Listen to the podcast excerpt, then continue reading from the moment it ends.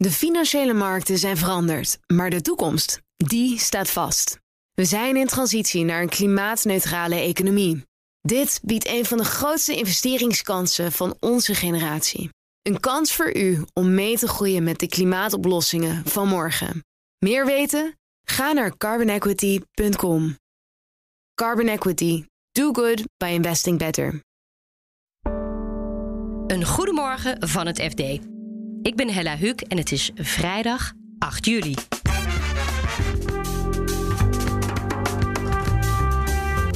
Boris Johnson treedt af en zijn opvolgers staan al in de rij. De lijst met mogelijke opvolgers is echt enorm lang, maar er is eigenlijk geen goede favoriet. De hit op de woningmarkt is nog niet voorbij. Maar nieuwbouwhuizen zijn niet erg in trek. Door de ontwikkelingen op de markt, de snel stijgende inflatie en rente, worden ze toch iets terughoudender om zo'n grote investering te doen. Ondanks de lage rente zijn de schulden van grote bedrijven juist gedaald. Heel veel bedrijven zijn toch heel voorzichtig geweest uh, na corona met het doen van investeringen, hebben juist heel veel bezuinigd. Dit is de dagkoers van het FD. It is clearly now the will of the Parliamentary Conservative Party that there should be a new leader of that party and therefore a new Prime Minister. And I want you to know how sad I am to be giving up the best job in the world. Dat was premier Boris Johnson. Na een ontslaggolf onder zijn ministers werd er door de overgebleven bewindslieden bij Johnson op aangedrongen om zijn ontslag in te dienen. En dat deed hij uiteindelijk gistermiddag. Joost Dobber is onze correspondent in het Verenigd Koninkrijk. Joost, om nog even bij het begin te beginnen. Waarom stapten al die ministers op? Ja, uh, nou ja, het is in feite een opeenschakeling van allerlei schandalen geweest. Maar de druppel, zeg maar, de druppel die de emmer deed overlopen, was het schandaal rond Chris Pincher. Um, hij was een politieke vriend van Boris Johnson al heel lang. En Johnson schakelde hem bij uh, de vorige keer dat hij in de problemen zat, rond die lockdownfeestjes. Uh, schakelde die, die, deze Pincher in om voor hem dus de, de, de parlementaire fractie uh, de orde daarin te herstellen. Um, en dat deed deze Pincher zo goed dat hij door Johnson een permanente functie kreeg. Maar Pincher was zeker niet van onbesproken gedrag. Het was een publiek geheim dat hij nog wel eens uh, aan andere mannen wilde zitten uh, die daar niet op zaten te wachten. En er waren dus ook verschillende mensen die tegen Johnson zeiden van dit is geen goed idee, deze man moeten we niet aanstellen. Maar goed, Johnson deed het toch. Nou ja, vervolgens ging het inderdaad een keer mis vorige week. Toen moest hij dus onmiddellijk vertrekken. Maar ja, de lijn vanuit Downing Street was vervolgens de reflex. En dat is waar het, uh, waar het helemaal misging. Was om te ontkennen dat ze vooraf waarschuwingen hadden ge, hadden gekregen. En uh, om de ministers die tv-optredens moesten doen, die moesten dus zeggen van ja, wij wisten van niks. En als we dit hadden geweten, hadden we het heel anders aangepakt. Maar ja, al snel bleek dat die waarschuwingen er wel degelijk waren. Dus dat ze de boel gewoon voor, voor aan het liegen waren. En hier komt eigenlijk alles wat er misging de afgelopen jaren met Johnson samen. Nou hebben we echt uh, toch wel heel wat uurtjes uh, kunnen zien hoe Johnson weigerde om te vertrekken. Dat was echt een soort trainwreck in slow motion, of hoe heet dat? Wat was dan toch het moment dat Johnson dacht: Nou, nu moet ik toch echt maar opstappen? Dit is niet meer vol te houden? Hij had helemaal geen ministers meer. uh, er waren er 50 ongeveer opgestapt. Een aantal senior ministers, die dus ook uh, de ministerraad bijwonen. Heel erg veel uh, soort van midden, de, de, het middenkader en het lagere kader. Um, maar op een gegeven moment heb je natuurlijk zoveel gaten uh, en kan je niemand meer vinden die, uh, die die gaten willen vullen. Toen is hij tot de conclusie gekomen dat het toch echt afgelopen was. En nu komt er dus weer een hele nieuwe leiderschap binnen die conservatieve partij. Dat hebben we ook al gezien bij Theresa May, dat hebben we gezien bij Cameron. Wie gaat hem opvolgen, denk je? Dat is een uh, hele goede vraag. De lijst met mogelijke opvolgers is echt enorm lang. Maar er is eigenlijk geen goede favoriet. Dus het kan alle kanten op gaan. De manier waarop het gaat is, de partij zelf moet nu eerst. Dus van al die kandidaten uh, die lijst inkorten tot twee namen. En dan mogen de leden van de partij die mogen stemmen over die twee kandidaten. Dus dat kan alle kanten op gaan. Um, je moet wel een beetje populair zijn bij de leden. Um, maar uh, even kijken. De, de frontrunners nu, uh, voor zover die er zijn, is Nadim Zahawi. Dat is dus de, degene die uh, door Johnson vorige, gisteren werd aangesteld als uh, minister van Onderwijs. En die hem vervolgens op dezelfde dag uh, Johnson aanspoorde om te vertrekken. Dan hebben we Liz Truss, dat is de minister van Buitenlandse Zaken. En op het moment ook de Brexit-onderhandelaar. Zij is een soort ja, ideologische chameleon. Ze kan echt alle kanten op. Was ooit Remainer, was ook ooit helemaal geen Tory, maar lid van de Liberal Democrats. Maar tegenwoordig laat ze haar oren heel erg hangen naar de, de harde Brexiteers in de partij. Dus zij is nu een van de favoriete kandidaten van, van de Brexit-haviken. En ik denk dat dat een beetje de kant is waar deze strijd opgaat. Je krijgt waarschijnlijk op het einde misschien één relatief gematigde eh, kandidaat en één kandidaat van de rechterflank die dus een heel hard Brexit-beleid voorstaat. Ja, want ehm, eh, die, die strijd is natuurlijk heel hard geweest juist de afgelopen jaren. Dus wie weet dat de conservatieven kiezen voor een meer gematigd iemand. Ja, ik zou er niet op rekenen, eerlijk gezegd. Tot nu toe, en daar had Johnson op zich ook last van, en Theresa May had daar ook last van, dat het voor beide was het heel lastig om de partij achter zich te krijgen zonder de steun van die harde Brexiteers. Uh, dus uiteindelijk hebben ze allebei wel een vrij hard Brexit-beleid moeten voeren. Het zou heel goed kunnen dat er gewoon een soort van, ja, ook een harde Brexit-kandidaat uh, uh, uiteindelijk premier wordt. En dat het net zo, net zo moeilijk wordt. Misschien het enige verschil is, het probleem met Johnson was natuurlijk, die zei A en deed B. Dus je wist nooit of je hem kon geloven wat hij zei. Nou ja, misschien dat een nieuwe, zijn opvolger wel daadwerkelijk doet wat hij zegt. De woningmarkt leek in het eerste kwartaal een klein beetje afgekoeld. Maar in het tweede kwartaal stegen de huizenprijzen weer gewoon. Uit cijfers van makelaarsvereniging NVM blijkt dat er wel meer huizen te koop staan. Nelleke Trappenburg is redacteur Woningmarkt. Ja, die afkoeling, dat was dus maar uh, tijdelijk?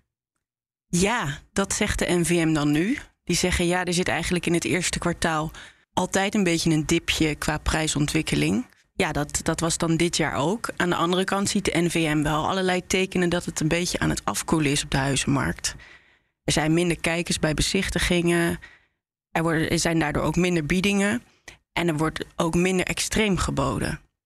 Alleen, ja, dat heeft nog niet tot uh, lagere prijzen geleid. Een ander heel opvallend uh, feit wat uit die cijfers naar voren kwam, is dat nieuwbouwhuizen niet meer zo goed verkocht worden.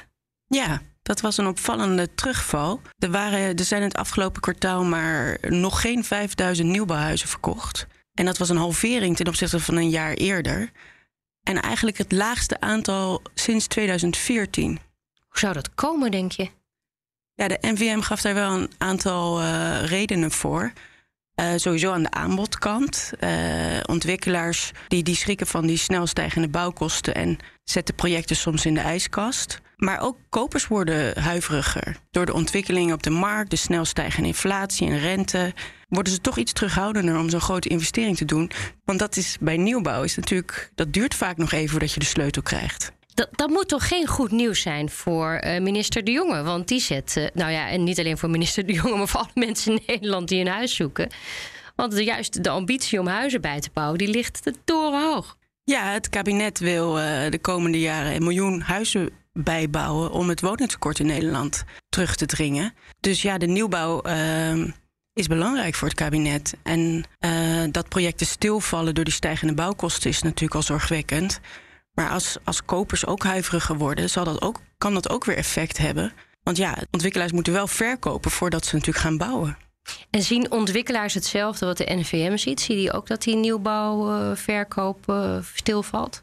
Nou, ik heb met uh, brancheverenigingen gebeld. De NEPROM heeft nog geen signalen dat het moeilijker is om huizen te verkopen. Maar ze zien wel dat er minder belangstelling is voor nieuwbouw. Dat is eigenlijk dus gelijk als met de, de, de hele markt, waar gewoon minder kijkers op bezichtigingen komen. En een andere vereniging, uh, Woningbouwers NL, ziet wel dat in het hogere segment woningen iets langer te koop staan nu. Uh -huh. En dat is dan het segment boven de 5 ton. De berg aan schulden van de 900 grootste beursgenoteerde bedrijven is voor het eerst in acht jaar gedaald. Lennart Zandberg is redacteur Financiële Markten. Over wat voor bedragen hebben we het dan? We hebben het uh, over enorme bedragen. Het gaat over uh, 8300 miljard. En dat was het. En nu is het gedaald naar 8100 miljard. Ik vind het zulk verrassend nieuws, omdat we nu toch al in een tijd leven waarin juist alles duurder wordt en zo. Dus je zou denken, de schuldenberg neemt toe. Ja, klopt. En dat is ook wel een beetje de intuïtie ja, die heel logisch is om te hebben. Alleen uh, er spelen tegelijkertijd een hele hoop dingen. de afgelopen jaren hebben bedrijven juist heel veel schulden genomen omdat de rente zo laag was. Het was dus heel makkelijk om heel goedkoop aan geld te komen. En dat deden bedrijven dus ook maximaal. En nou ja, op een gegeven moment heb je wel een beetje genoeg en dan ben je verzadigd zeg maar, als bedrijf. En dan heb je heel veel geld op je balans staan. En dan ga je niet meer lenen. Wat er ook nog een beetje bij komt, is dat de winsten enorm zijn gestegen bij heel veel bedrijven. Dus er liep gewoon heel veel geld het bedrijf in. Nou ja, veel meer dan dat ze eigenlijk investeerden. Want heel veel bedrijven hebben toch, zijn toch heel voorzichtig geweest uh, na corona met het doen van investeringen. Hebben juist heel veel bezuinigd. En op die manier uh, ja, hou je steeds meer geld over. En zijn er dan sectoren die er uitspringen qua het terugbrengen van hun uh, schulden? Ja, enorm. Uh, wat je vooral ziet bij mijnbouwbedrijven en bij uh, uh, oliebedrijven, die hebben heel veel geld verdiend de afgelopen jaren. De prijzen van alle grondstoffen, nou ja, zeker bij olie, zijn enorm toegenomen. En als die prijzen zo hard stijgen, ja, dan krijgen al die bedrijven krijgen veel meer geld binnen. Maar ondertussen, eigenlijk investeren ze helemaal niet zo heel veel. Dus nou ja, dan hou je gewoon ja, meer geld over. Ik kan me wel voorstellen dat de bedrijven die dus de gas en olie moeten afnemen, dat die misschien wel even moeten aankloppen voor een ja, dat klopt. Ja, dat is eigenlijk wel grappig. Want terwijl die oliebedrijven die hebben dus 150 miljard aan uh, uh, minder schuld dan een jaar geleden. Dat is een enorme hoeveelheid. Alleen die, ja, die nutsbedrijven, die uh, al die olie en die gas die kopen, die hebben ondertussen 150% hogere schulden. ja, en dat komt inderdaad doordat de olieprijs gewoon duurder is geworden. Dus zij, ja, alle reserves die ze hebben opgebouwd gaan daarheen. Uh, ze moeten ondertussen ook enorm veel investeren in groene energie. Want als je nu een energiebedrijf bent en je hebt kolencentrales, ja, dan moet je toch overstappen op uh, windmolens. En uh, nou ja, dat kost in deze periode gewoon heel erg veel geld. En hoe denk je dat het in de toekomst gaat zijn? Je ziet overheden natuurlijk enorm veel geld uitgeven en je ziet daar de schulden oplopen, zeg maar. De consument heeft het ook wat moeilijker en die bedrijven dan? Ja, die bedrijven zullen het op een gegeven moment ook wel wat moeilijker krijgen. Zeker ook omdat de rente gewoon weer oploopt. Dat helpt niet mee. Maar tegelijkertijd, als de rente oploopt, dan wordt het ook veel minder aantrekkelijk om zulke enorme schulden aan te, aan te nemen. Uh, dus de uh, onderzoekers die, uh, die dit allemaal bij elkaar hebben opgeteld, die voorspellen ook eigenlijk dat het komende jaar de schulden eigenlijk nog veel harder gaan dalen dan dit jaar. En dan zijn er ook nog een aantal, vooral big tech bedrijven volgens mij, die, die klotsen gewoon van de, van de cash. Ja, ja, dat is echt, uh, dat zijn bedragen. Ja, dat is eigenlijk bizar. Netto heeft Alphabet, dat is het moederbedrijf van Google, die heeft 111 miljard op de bank staan. En ja, eigenlijk hebben ze niet echt een bestemming voor dat geld. Dus wat je heel veel ziet, is dat bedrijven dan besluiten om het terug te geven aan hun aandeelhouders. Dus dan kopen ze hun eigen aandelen op, zodat nou, de, de aandelen die dan nog uitstaan, die worden dan per stuk meer waard. En wat ze ook kunnen doen is gewoon dividend uitkeren. En op die manier proberen ze dan uh, nog wat van dat geld uh, nou, terug te geven aan de aandeelhouder. Maar uh, eigenlijk weten ze niet wat ze ermee moeten.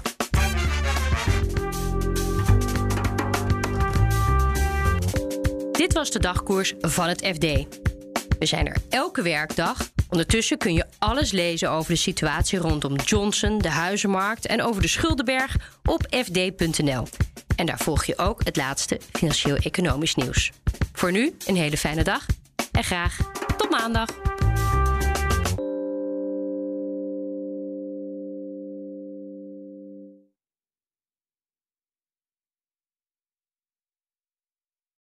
De financiële markten zijn veranderd, maar de toekomst, die staat vast. We zijn in transitie naar een klimaatneutrale economie. Dit biedt een van de grootste investeringskansen van onze generatie. Een kans voor u om mee te groeien met de pioniers van morgen. Meer weten? Ga naar carbonequity.com. Carbon Equity. Do good by investing better.